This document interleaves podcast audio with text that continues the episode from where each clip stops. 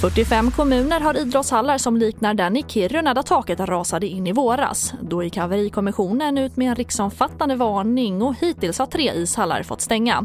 En av dem är den i Gällivare som kostade 100 miljoner kronor att bygga men som man hoppas kunna öppna igen innan jul. Kommer de kunna känna sig trygga i den då? Det förutsätter jag. Det kommer vi att se till att vi får garantier från dem som, som åtgärdar felen. Och det sa Peter Eriksson, fastighetschef. Och dödssiffran efter en gruvolycka i den kinesiska staden Chongqing som inträffade i fredags har stigit till 23 personer. Räddningsarbetarna hade hoppats på att hitta fem saknade personer vid liv efter en kolmonoxidläcka i den nedlagda gruvan. Men ingen av dem var vid liv, det uppger statliga medier.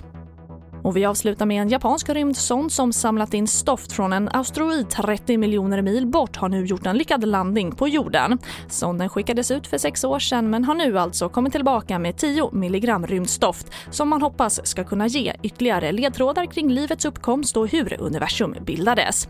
TV4-nyheterna, jag heter Charlotte Hemgren.